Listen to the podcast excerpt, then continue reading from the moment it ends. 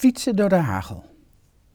Je zit op de fiets, onderweg naar iets wat voor jou belangrijk is, naar een plek waar je graag wilt zijn. Je geniet van het heerlijk fietstochtje. Het zonnetje schijnt en het lijkt wel of er om iedere bocht weer iets nieuws te zien is. Soms rijd je even samen met iemand op, soms fiets je een tijdje alleen. De hemel was stralend blauw toen je vertrok, maar ja, zoals dat gaat in Nederland, opeens betrekt de lucht. Het begint hard te waaien en te donderen. En dan fiets je plots midden in een zware hagelbui. Nee, dit is geen verfrissend zomerbuitje. Grote korrels hagel vallen op je handen en je gezicht. Ze striemen tegen je onbeschermde bovenbenen. En je bent binnen no time helemaal doorweekt. En dat is nog niet eens het ergste, want die stenen doen zeer. Je voelt de korrels striemen op je wangen. Je kunt je ogen bijna niet meer openhouden. Bovendien waait het keihard. Je komt nauwelijks meer vooruit. Dan maar schuilen? Dus wat doe je? Je denkt, ik zoek een plek om te schuilen. Ik wacht tot het overgaat en dan ga ik weer verder. Je vindt gelukkig een hutje langs de weg en je staat lekker droog. De wind waait om je schuilplek en de hagel roffelt op het dak, maar jij zit veilig binnen. Wie ooit heeft geschuild, weet hoe veilig en geborgen dat voelt. Maar na een tijdje merk je dat schuilen ook een nadeel heeft. Als jij schuilt, sta je stil. Je was onderweg naar iets wat voor jou belangrijk is. En als je schuilt, kom je daar niet. Je staat daar maar in dat stomme hutje. Natuurlijk, af en toe even schuilen en uitrusten moet kunnen. Maar wat als die hagel maar blijft vallen? Keihard doortrappen dan? Of je schuilt niet, maar denkt niet zeuren. Gewoon doorfietsen. Hoofd naar beneden, voeten op de trappers en gaan. Want je bent een echte bikkel. Hoeveel pijn die hagelstenen ook doen, hoe nat jij ook wordt, jij gaat door. Op karakter. Iedereen die wel eens doortrapte door weer en wind weet hoe goed het kan voelen om de elementen te trotseren. Maar al pompend op de pedalen met je hoofd omlaag bedenk je iets. Steeds maar doortrappen heeft nadelen. Opeens is die heerlijke fietstocht een vermoeiende reis. Na verloop van tijd weet je niet eens meer of je nog op koers ligt. En waar je nu eigenlijk naartoe onderweg bent. En als je niet oppast, lig je nog op de keien ook. Zeker. Soms is doortrappen met je blik op oneindig best goed. Sommige dingen, daar moet je doorheen. Maar wat als de hagel maar blijft vallen?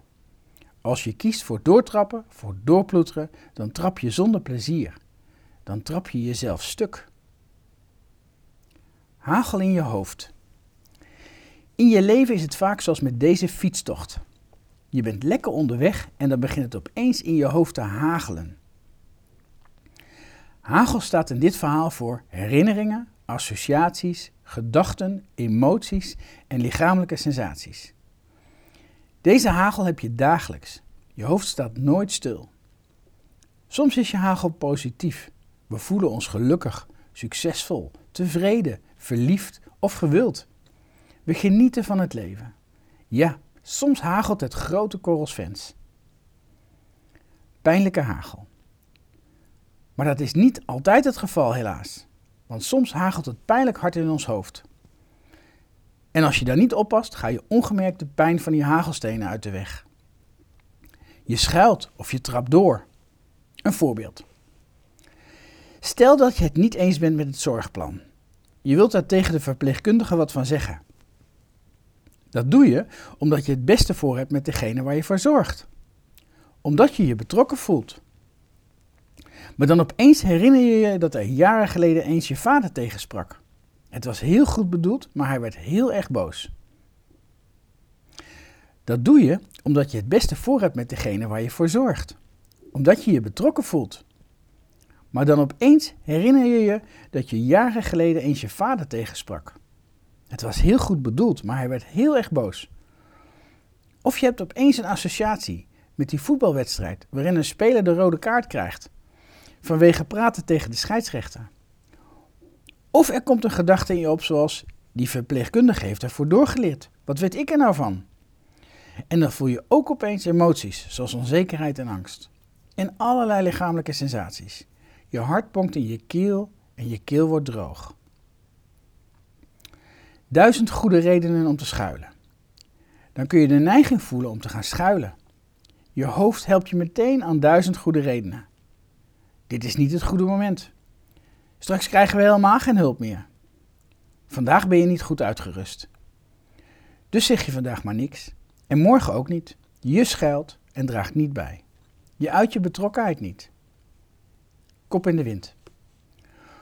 Of er gebeurt iets anders. Dan gooi je je kop in de wind. Je duwt al die lastige gevoelens, al die hagel weg. Je trekt je niets aan van de pijn van die hagelstenen. Je belt de verpleegkundige en zegt daar eens even goed de waarheid. Na twee minuten hang je op. De verpleegkundige is verbaasd en geïrriteerd. Je hebt wel iets gedaan, maar of het effectief was is een tweede. Het was nauwelijks een zinvol gesprek te noemen. Ook zo draag je niet bij. Hagel voelt als echte pijn. Hagel staat dus voor vijf soorten innerlijke ervaringen. Gebeurtenissen in je hoofd en je zintuigen.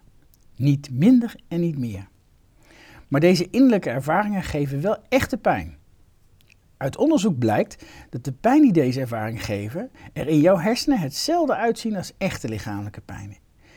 In je hersenen is er geen verschil tussen de psychische pijn van je hagel en een mes dat in je lijf wordt gestoken. Maar het zijn en blijven maar innerlijke ervaringen. Er is geen echt mes. Jouw hagel is niet dodelijk.